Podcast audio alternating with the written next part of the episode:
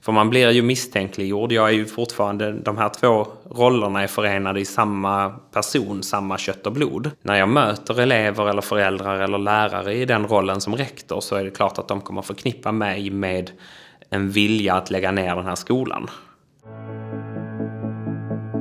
Och jag är demokratisk socialism med stolthet glädje. Kvar min grundtro på att det går att påverka samhället, det går att påverka utvecklingen. Medborgarnas krav kan tillgodoses endast av det starka samhället. Hej Linus! Hej!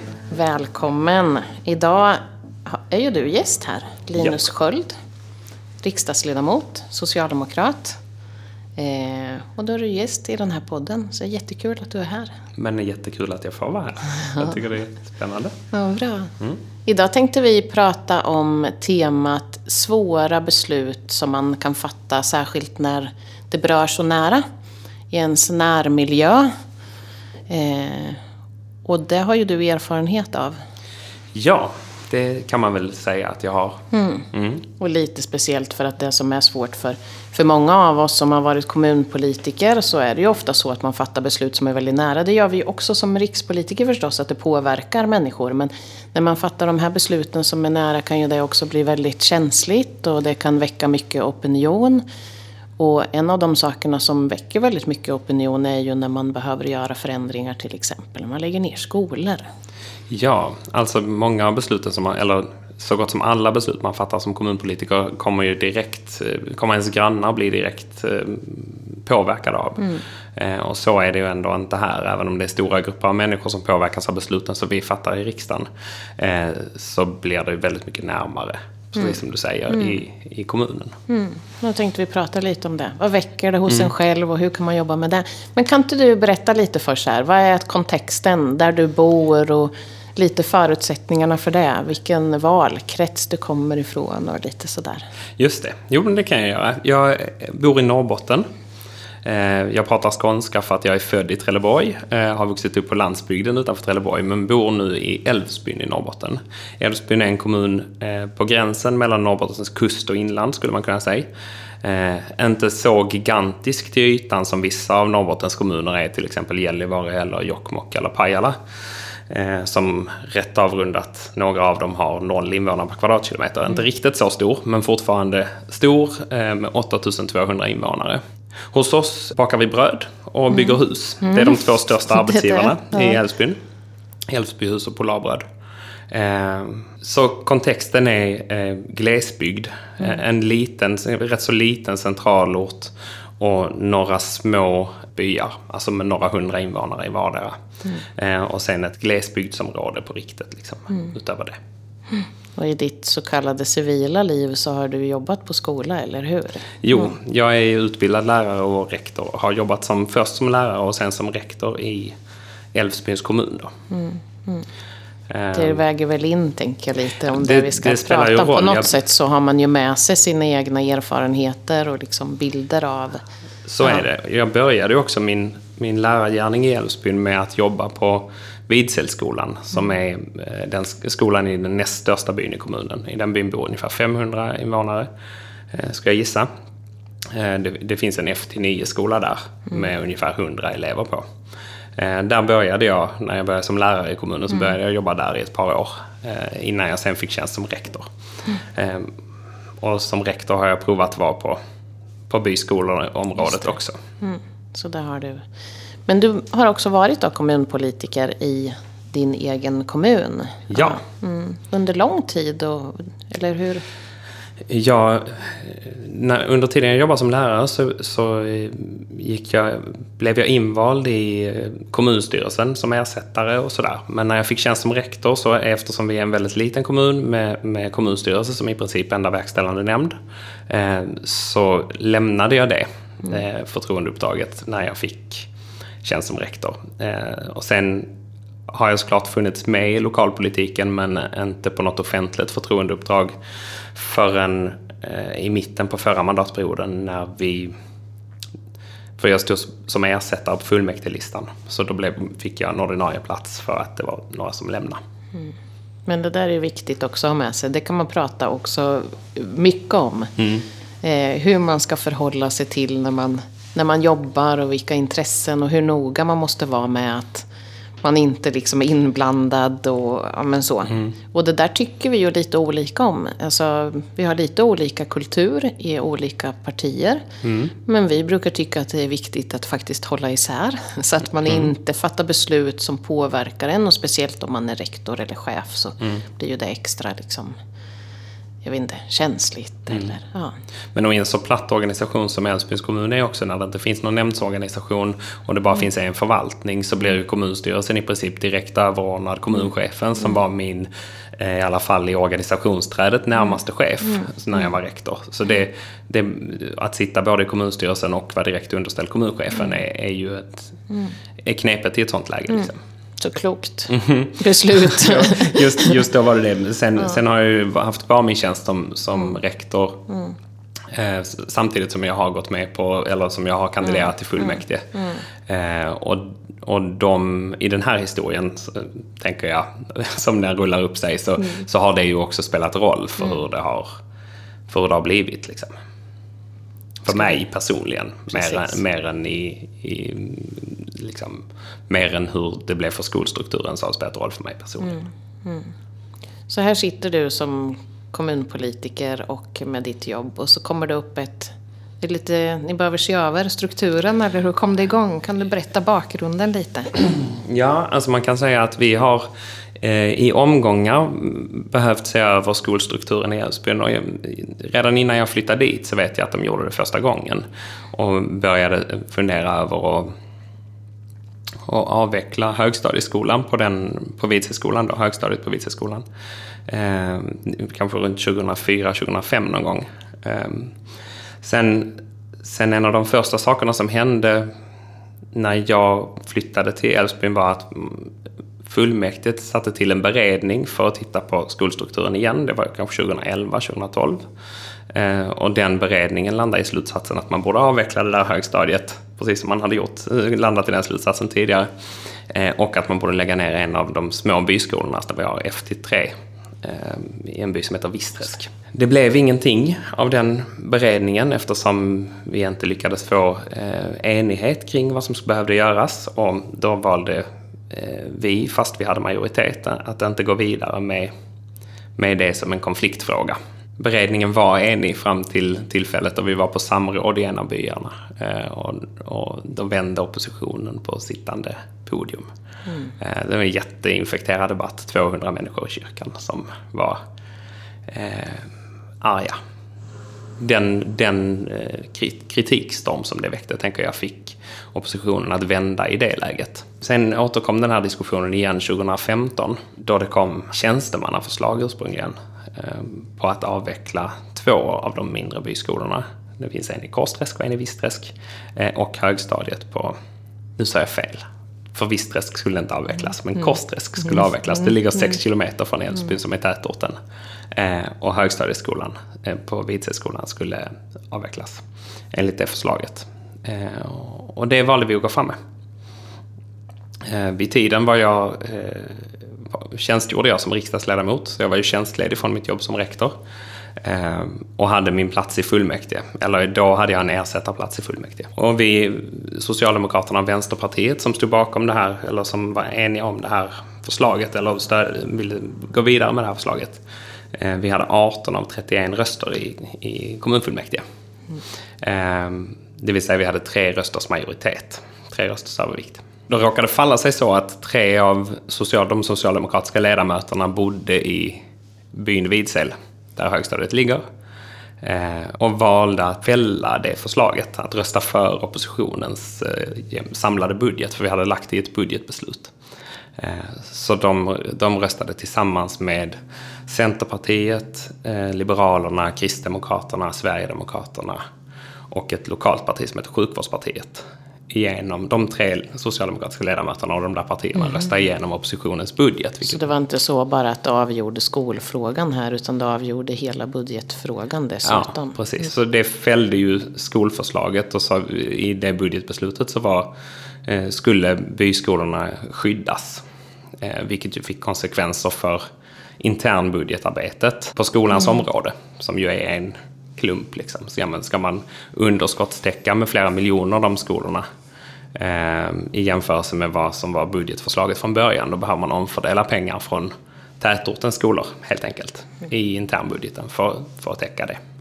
Och då kan man ganska- säga att det var ett av era bärande argument som Socialdemokraterna, ni ställde er bakom det här, det var att, man, att det kostar för mycket och då behöver ni göra de här förändringarna. Var det det som var ett av skälen eller fanns det också andra skäl eller hur? Det finns flera saker att överväga i detta. Kostnader är ju en sak. Men det finns också, alltså i skolor som blir så små som under 20 elever på fyra årskurser, det vill säga att man får i snitt fem elever per årskurs. I det här fallet så var det dessutom så att vi hade vissa årskurser som var tomma.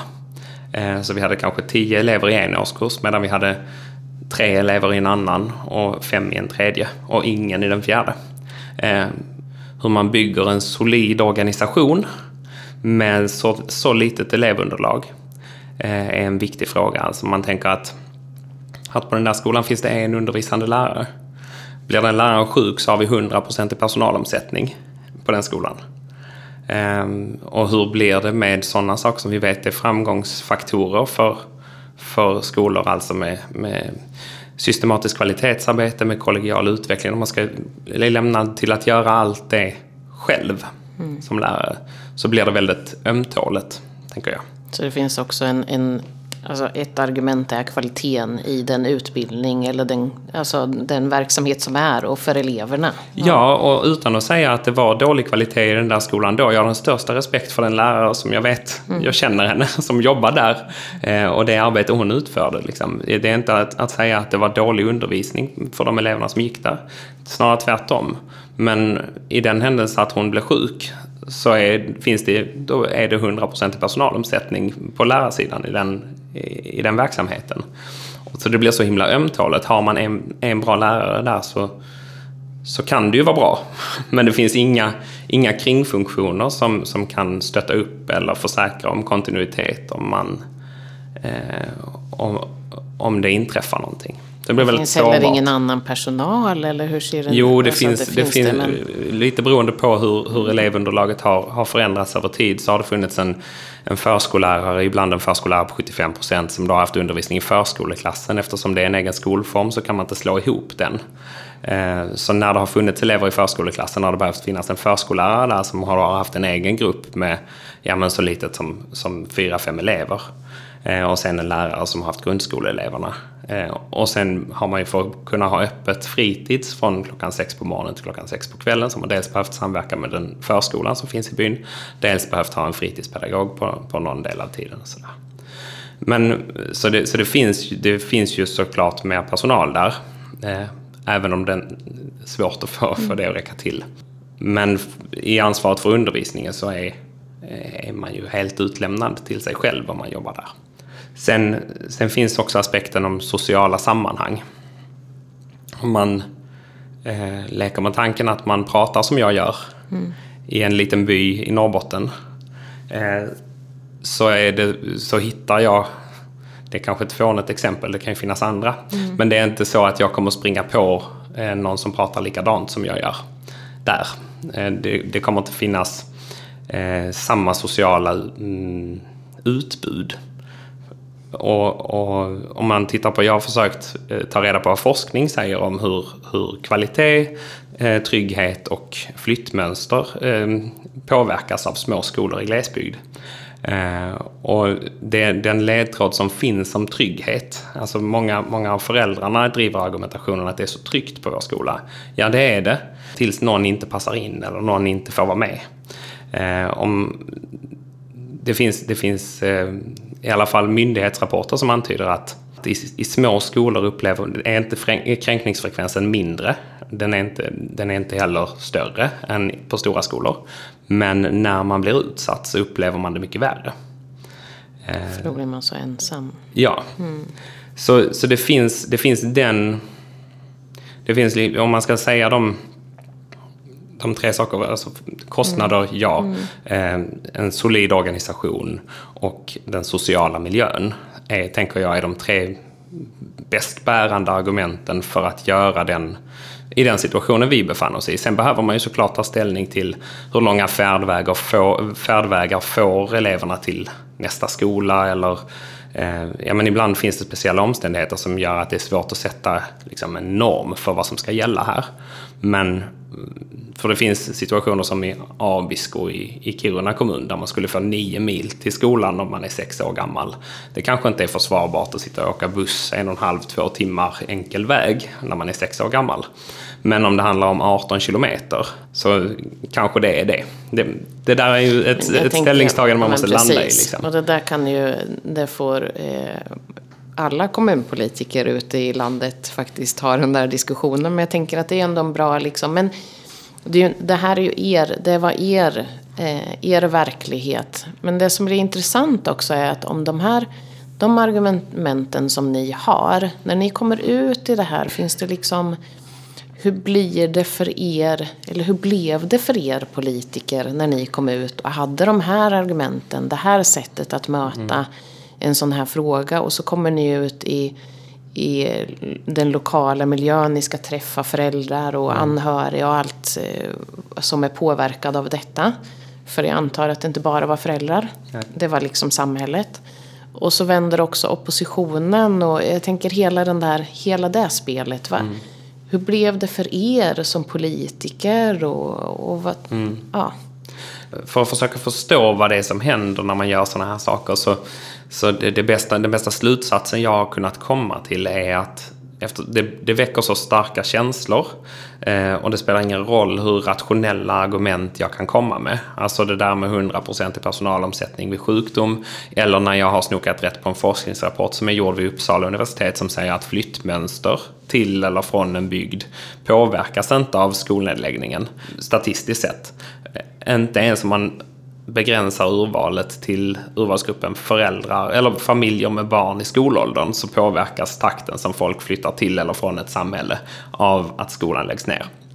Men de, men de argumenten, grundade på vetenskap, grundade på logik, de når man inte fram med i den här, i den här debatten. Man, utan det handlar bara om känslan. Och då tänker jag mig att det är känslan av att, att identiteten är angripen. Alltså det att jag bor Eh, i den här byn är att jag, betrak att jag betraktar mig som vissträskare eller vidselsbo. Det är under angrepp när någon kommer och försöker avveckla skolan som jag betraktar som helt nödvändig för att jag ska kunna bo här och ha en god livskvalitet. För mig är det helt avgörande. Och så kommer det någon eh, från Älvsbyn och säger jag ska inte få ha kvar den där skolan som är helt nödvändig för att jag ska kunna bo kvar här och, och leva ett gott liv med min identitet i behåll. Eh, det är klart att det väcker starka känslor. Och det väcker starka känslor inte bara hos föräldragruppen. I hela samhället så väcker det jättestarka känslor. Och jag tänker att den bästa förklaringen jag har kunnat komma på är att, att det är identiteten som, är under, som man betraktar som under angrepp. Liksom. Och då blir man, of, alltså, för det blir, väcker ju också ilska och frustration. Ja, ja men det gör det ju. Och jag, jag har varit på några sådana stormöten eh, när vi har eh, åkt ut och försökt eh, komma, lägga fram de här förslagen. Eh, dels då 2011-12 eh, och dels 2015. 2015 framförallt så var vårt kommunalråd så utsatt så att det, jag tänker att det var en väldigt starkt bidragande orsak till att hon inte kandiderar för omval 2018. För, för, det, för det väcker så starka känslor. Jag tänker att det var också så, de tre ledamöter som vi hade som röstade emot vårt eget budgetförslag eh, som bodde i den där byn. Det handlar om att ja, men de måste kunna möta sina grannar i livsmedelsbutiken. Det tror jag att de landar i att det, de skulle inte kunna bo kvar i den där byn för de skulle inte vara, vara välkomna. Det väcker så starka känslor. Liksom. Vad, vad, hur gjorde det med dig? Blir du när du är på de där mötena och du kommer dit som politiker, vad väcker det för känslor? Jag antar att, att du inte åkte dit och tänkte att ja, ja, ett, ett möte som vilket annat som helst eller så här. Nej, men, Utan... man, man gruvar ju sig inför de där mötena givetvis. Man förstår ju ungefär vad som ska hända. Och sen, sen är min erfarenhet av dem att, att de hittills inte har lett till någonting konstruktivt. Alltså det kan ju låta raljant att säga så, eller som från Orben. Men, men jag, jag uppfattar inte att det, det blir lite som en, som en debatt, liksom. snarare än att man har en dialog och försöker förstå varandra och försöker komma framåt. Så har man en debatt där vi har varsin på förhand given ställning eh, som vi eh, försöker försvara eller förklara. Eh, och, och det utan att det kommer förflytta en enda människa som är i lokalen. Deras uppfa- ingen, ingens uppfattning kommer förändras av att vi har det där stormötet. Det är bara debatten som blir liksom, det är inte, inte samförståndet eller eh, de konstruktiva nya idéerna som skulle kunna leda vidare. Det är klart att det är viktigt att hålla, hålla en tät dialog med berörda medborgare när man ska fatta svåra beslut. Men jag tror, eh, så skulle jag vara med om detta igen så tänker jag att det skulle överväga formen. Alltså man kanske snarare ska ha samrådsmöten med eh, föräldraråd eller med, med representanter för en, för en by eh, på något vis. För att man i, i det stora forumet när man är hundratals människor som är dessutom alla är upprörda så blir det, så blir det ofta eh, svårt. Men det förändrade oppositionspolitikernas syn.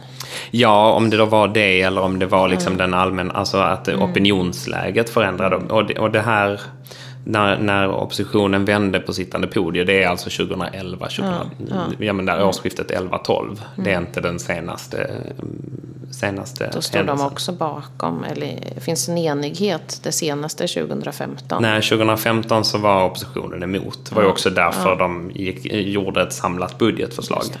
Eh, oppositionen i Älvsbyn var först i landet med att göra gemensam sak med Sverigedemokraterna och lägga fram ett gemensamt budgetförslag. Och det var drivet av, av att bevara byaskolorna. Vad tänker du om det? För att vara oppositionspolitiker eller majoritetspolitiker och tycker du att det ska skilja sig? Eller vad är liksom dina tänk- tankar på det olika perspektivet? Alltså det är klart att det skiljer sig. Eh, för politikens villkor är ju på något vis att vi försöker hitta sätt att, att värva väljare. Eh, och om det finns en stark konflikt på skolområdet där det, är lätt, där det finns en, en folkopinion som man kan få med sig i sin oppositionspolitik så är det ju klart väldigt tacksamt. Jag vet ju att vi gör så eh, i andra kommuner. Så driver vi linjen Bevara byaskolorna Eh, för att vi har eh, folk, eh, alltså en, en folkopinion med oss i det när vi är i opposition. Så det, ja, ja, det är inte konstigt alls att man hamnar i helt andra, en helt annan relation som oppositionspolitiker till de här mötena eller till den här folkopinionen. Det är snarare så att det ingår i, hur, i politikens villkor. Liksom. Så det var inte så att du känner att du blir väldigt upprörd över att de inte står bakom? Alltså, Nej, Väcker det- men, alltså, ja. 2011-12 där så måste jag faktiskt erkänna att jag, att jag eh, blev rätt provocerad. Eh, För då hade vi en lång beredning. Vi höll på i nästan ett år med att besöka grannkommuner som hade genomgått skolstrukturomvandlingar med att eh, försöka, ja men skolchefen hjälpte oss ju såklart som tjänstemannastöd att försöka få fram forskning som kan antyda hur man ska välja att göra. Att titta på elevunderlag och födelsetal och den typen av saker. Eh, vi ägnade nästan ett helt år åt att prata om och, och i samförstånd tog vi en, en text som avslutades med, med förslag som då var att avveckla den ena byaskolan där. I enighet. Och det är någonstans det som är, är grunden. Då har vi gjort ett beredningsarbete tillsammans. Eh, och så kommer vi och ska presentera det på, i, i, en situation som är väldigt het. Och i den situationen så vänder oppositionen. Och då måste jag ändå säga att jag kände mig lite sviken nästan. Lite som att, ja men vi var ju, vi var för, för en vecka sedan var vi överens om det här. Eh, och nu är vi här och då är vi plötsligt inte det längre och ni har inte sagt någonting om det innan. Så det är klart, jag tänker det att det att ändrade det är- också lite spelreglerna på något sätt. Ni var överens och så Mm. blir ni helt plötsligt inte överens och det sker under Mm. just under mötet. Ja, men, ja precis. För du hade, du hade kunnat tycka att det var förståeligt om de redan tidigare, att det var också eh, hur Ja. det här skedde. Ja. Ja, men mer det. Jag tänker att men gör man analysen att här, här har vi möjlighet att bedriva oppositionspolitik och faktiskt ge röst åt människor som har en uppfattning som, eh, som majoriteten är på väg att gå emot. Ja, men då ingår det i oppositionens roll att göra på det sättet. Men, men inte efter att man har gjort ett långt, långt beredningsarbete. Alltså det finns ju motsvarande paralleller på riksnivå. Ehm, Mm. Det senaste exemplet är kanske försvarsberedningen.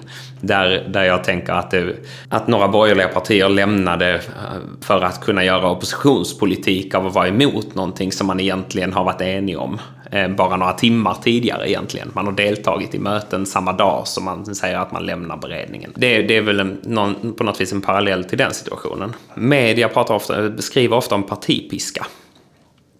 Eh, och partipiskan menar jag är ett, ett, ett fördummande begrepp. Det är någonstans att, att inte förstå under vilka villkor vi verkar i, eh, demokratiskt.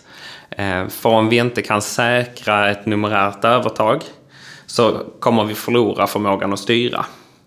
Eftersom vi hade tre egna eh, ledamöter som, som röstade emot vårt förslag så, så blev vi ju såklart beskyllda för mm, påhäftade det där partipiskebegreppet. Mm. Ehm, det, det, fann, det, var skriv, det var artiklar i lokalpressen om övertalningsförsök som vi hade, hade vidtagit inför omröstningen och den typen av saker. Vilka vi var som hade varit med i det där mötet för att sätta press på de här tre. Och jag, jag minns att jag i, i det, ungefär den tiden skrev en krönika med titeln Förlåt mig mamma. För det mm. finns en parallell. Liksom. När jag var inne och tjänstgjorde den, den perioden i riksdagen eh, så fattade vi beslut om delar av betygsöverenskommelsen. En del i betygsöverenskommelsen innebar att vi ska ha obligatoriska bedömningsstöd i årskurs 1. Om man tittar på vad det är i praktiken så betyder det att vi har infört ett, ett, ett nationellt prov i årskurs 1. Eh, det tror inte jag är bra. Mer standardiserade tester kommer inte att leda till, till större kunskaper. Eh, och jag vet att min mamma som är lågstadielärare inte kommer att tycka om det. Men vi har ingått ett avtal. Avtal ska hållas. Vi fick vissa saker, till exempel att det bara blev försöksomgång med betyg från årskurs 4. Vilket jag tänker var en eftergift från borgerligheten i den här uppgörelsen. Eh, vi fick lite och vi fick ge lite. Att hålla ihop den socialdemokratiska numerären är viktigare än varje enskild fråga. Som mamma får förlåta mig, men jag röstade ja till obligatoriskt bedömningsstöd i årskurs 1. Trots att det är emot min fasta övertygelse. Eh, och på något vis så tänker jag att det var också vad jag förväntade mig av mina partikamrater. Trots att de bodde i byn som var påverkad av eh, skolnedläggningen. Om de då inte klarar av att vara där och rösta ja, så, kan, så borde de ha lämnat förhinder och låtit en ersättare gå in och rösta ja. För den socialdemokratiska numerären i det här läget är viktigare. Att, att vi får behålla, behålla makten över budgeten, över eh, ja, men, agendan för kommunens politik. Liksom. Det är viktigare än varje enskild fråga. Ja, det där är någon slags liksom, kärnan i partipolitik och demokrati som jag tänker att det är ganska ofta svårt att förklara. Du mm. gör ju det på ett bra sätt. Ja, men har, har, jag drivit den, den linjen så, i min partigrupp mm. så långt jag kan. Eh, alltså har men om det då är byn, min byskola där jag har mina barn eller där jag jobbar som lärare eller i byn där jag går och handlar. Om det då är den som ska läggas ner. Har jag drivit argumentationen så långt som jag kan i min partigrupp. Det finns ju såklart en intern demokrati där, där vi kan dra mm. saker till omröstning. Men har, har jag förlorat en sån omröstning eller har jag inte lyckats vinna majoritet för min linje. Då har jag bara att finna mig i att gruppen gruppen har valt på ett annat sätt och då måste jag hålla mig till det. För det får jag ofta frågor när man har klasser där. Då mm. frågar de, har ni partipiska? Brukar mm. deras fråga vara. Och då säger jag att, ja men jag, då måste man ju prata om vad man menar med partipiska. Mm. Jag tycker inte att vi har partipiska. Men jag tror att ni tycker att vi har det. Jag ser det som att vi har intern demokrati. Det vill säga att vi har möjligheter att diskutera frågor. Men har jag just, precis som du säger, förlorat en diskussion. Jag kan ju ha försökt att påverka min grupp. Mm. Att tycka i ett sätt, men har jag förlorat det, då har jag förlorat det. Och då ser jag det som att det är samma typ av demokrati som man har på alla andra områden. Precis, och jag tänker att vi har eh, på sistone så har jag träffat rätt så några gymnasieklasser som har lyft frågan om, om motioner Alltså vår, här i riksdagen, det här är riksdagspodden, så jag tar mig friheten att prata lite Ja, om det också. ja. Eh, Men varför en motion nästan aldrig går igenom. Eh, Ja, det, det är ungefär av samma anledning. Alltså om man inte har en helhetsbild, om man inte kan sätta in motionen i ett sammanhang, inte kan finansiera den, utan vi skulle, an, vi skulle anta motioner, några här och några där och lite den och lite så.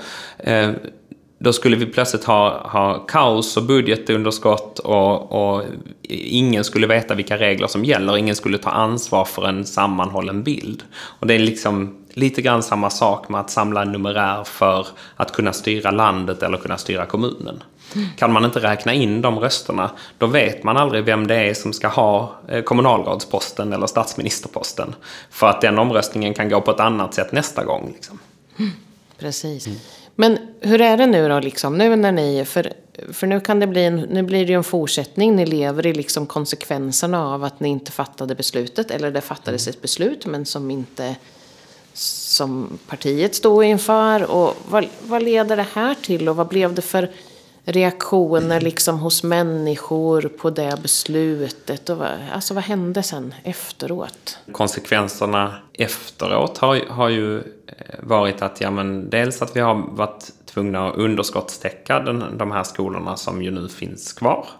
Eh, med rätt så mycket, rätt så mycket resurser. Eh, dels att vi har, när man gör lokala översyner och sådär och tittar på hur mycket, hur mycket lokalytor man disponerar så, så är det ju mångdubbla ytorna på, särskilt på högstadieskolan i näst största byn. Eh, om man jämför med högstadieskolan på, på tätorten. Och sen hade vi ett valresultat 2018 som var, som var väldigt tydligt. I det valdistriktet där, vi, där de här skolorna ligger eh, så tappade vi eh, 18 procentenheter om jag minns rätt. Eh, Jo, från i och för sig ganska höga nivåer. Ja, men, men men, men, fortfarande ner till under 25 procent.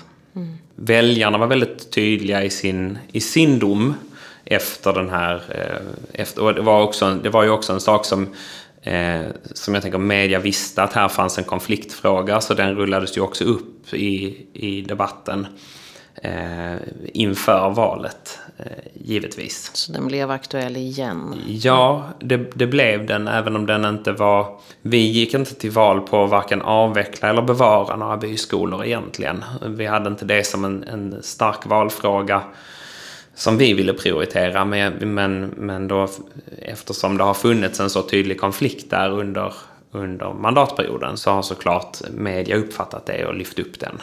Så, så vi, har, vi har haft den typen av diskussion också i, i valrörelsen. Och vår linje i det var väl egentligen att vi har bekänt färg. Vi har sagt eh, redan 2015, eller ännu tidigare om man ska vara noggrann, att vi tycker att de här skolorna är för små. Eh, nu har vi en situation där vi har under 40 elever på högstadieskolan och 15 elever i vardera av de små eh, FT3-skolorna. Det är ju också så att elevunderlaget utvecklar sig som som man hade kunnat förvänta sig, till och med lite snabbare för att vi, till, vi har haft elever som har valt i riktning mot tätorten också. Eh, så, så konsekvenserna är ju, ja, skolorna finns kvar. Eh, vi hade en debatt om det i valet, eh, trots att vi inte hade det högt på agendan. Eh, vi menar att, att oppositionen hade behövt delta i detta. Alltså det är så pass såriga frågor, det är så pass svåra frågor, det är så pass avgörande frågor för hur, hur skolan i Älvsbyn ska eh, se ut och också hur det ska bli, bli vad ska man säga, eh, en rättvis fördelning eller en fördelning av resurser efter behov, inte efter bostadsort. Vår idé är egentligen att, att oppositionen skulle behöva bekänna färg och säga men när tycker de att de här skolorna blir för små? Om det inte är under 40 elever, vilket vi nu har passerat, är det när den går under 30 elever? Eller är det när den går under 25? Eller när kommer den här högstadieskolan att vara för liten för att driva vidare? Eller eh, frågan om de, de små FT3-skolorna. Ja, men det var inte 20 elever som var gränsen för oppositionen. Är det 15? Eller är det 10? Eller är det 2? Liksom, när, när slutar en skola att vara berättigad? När, när blir de här eh, kvalitets och sociala sammanhangen, när blir, när blir en skola för liten för att leva upp till det man kan förvänta sig av en skola? Det, det svaret är oppositionen fortfarande oss skyldiga, skulle jag säga. Eller medborgarna skyldiga. Men hur har det här då, jag tänker så här, hur har det här påverkat Linus? Hur har det påverkat dig som eh, politiker? Finns det någonting som du dragit lärdom eller finns det någonting som du känner eh, att du backar för? Eller känner du dig som en modigare politiker? Eller hur, hur har hela det här allt påverkat dig? Det är en bra fråga. Jag, jag tänker att det påverkar mig. Det har ökat min förståelse för hur hur svårt eh, detta kan vara. Eh, och det har också testat mig i att stå upp för ställningstaganden som jag har gjort. Också när man hamnar i väldigt svåra situationer. Så. För, jag, för när jag kom tillbaka från riksdagen det där året, våren 2016, så fick jag placering som rektor i byaskolområdet. Eh, och då, handlade, då, då gäller det verkligen att hålla isär rollerna. Eh, för jag har som politiker tagit ställning för att jag tycker att vi inte har en ändamålsenlig skolstruktur i Älvsbyn. Det är ingen hemlighet, det har stått i tidningen, alla vet om det.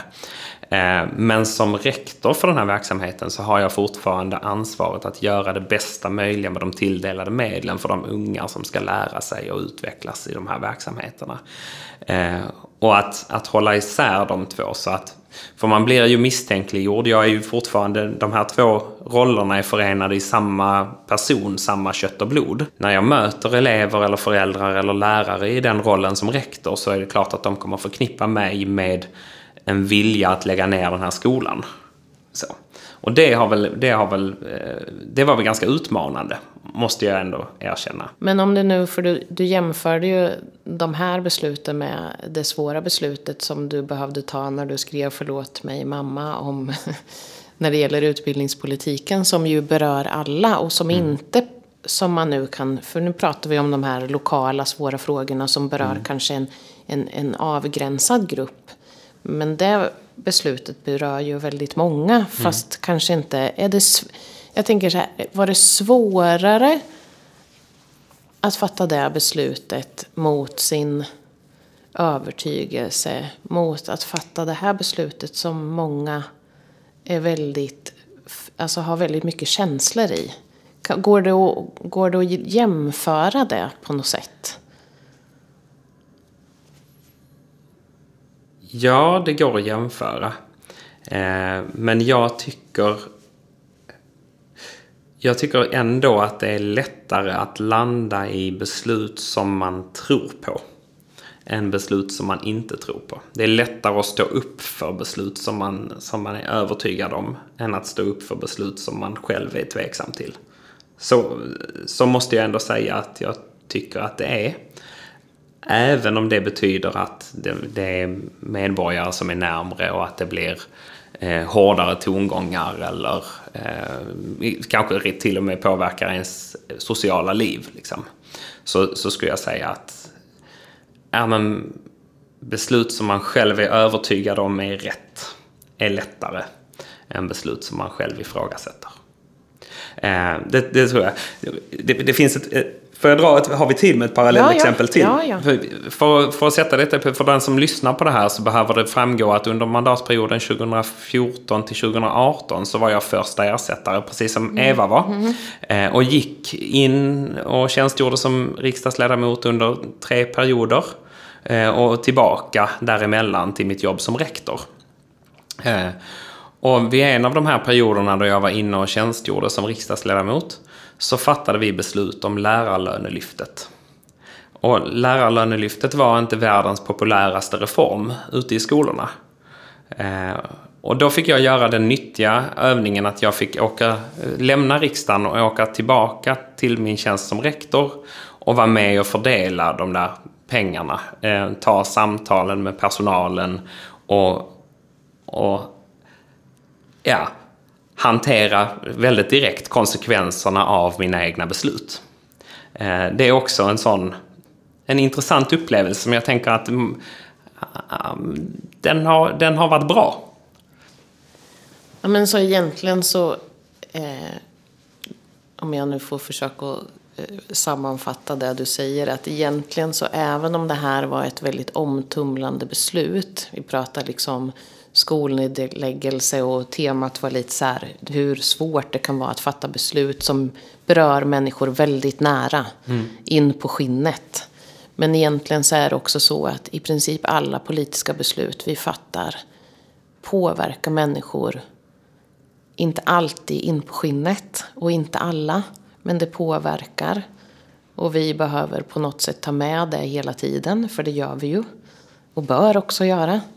Hur det här påverkar människor, men att det också är så att vi måste vara sanna mot vår övertygelse om vad som är rätt. För det du säger är att det är svårare att, att stå upp för beslut, oavsett hur nära de påverkar. Om man inte är övertygad om att de verkligen är rätt.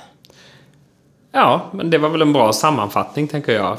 Politiska beslut som inte påverkade en enda människa, de skulle man ju inte behöva fatta.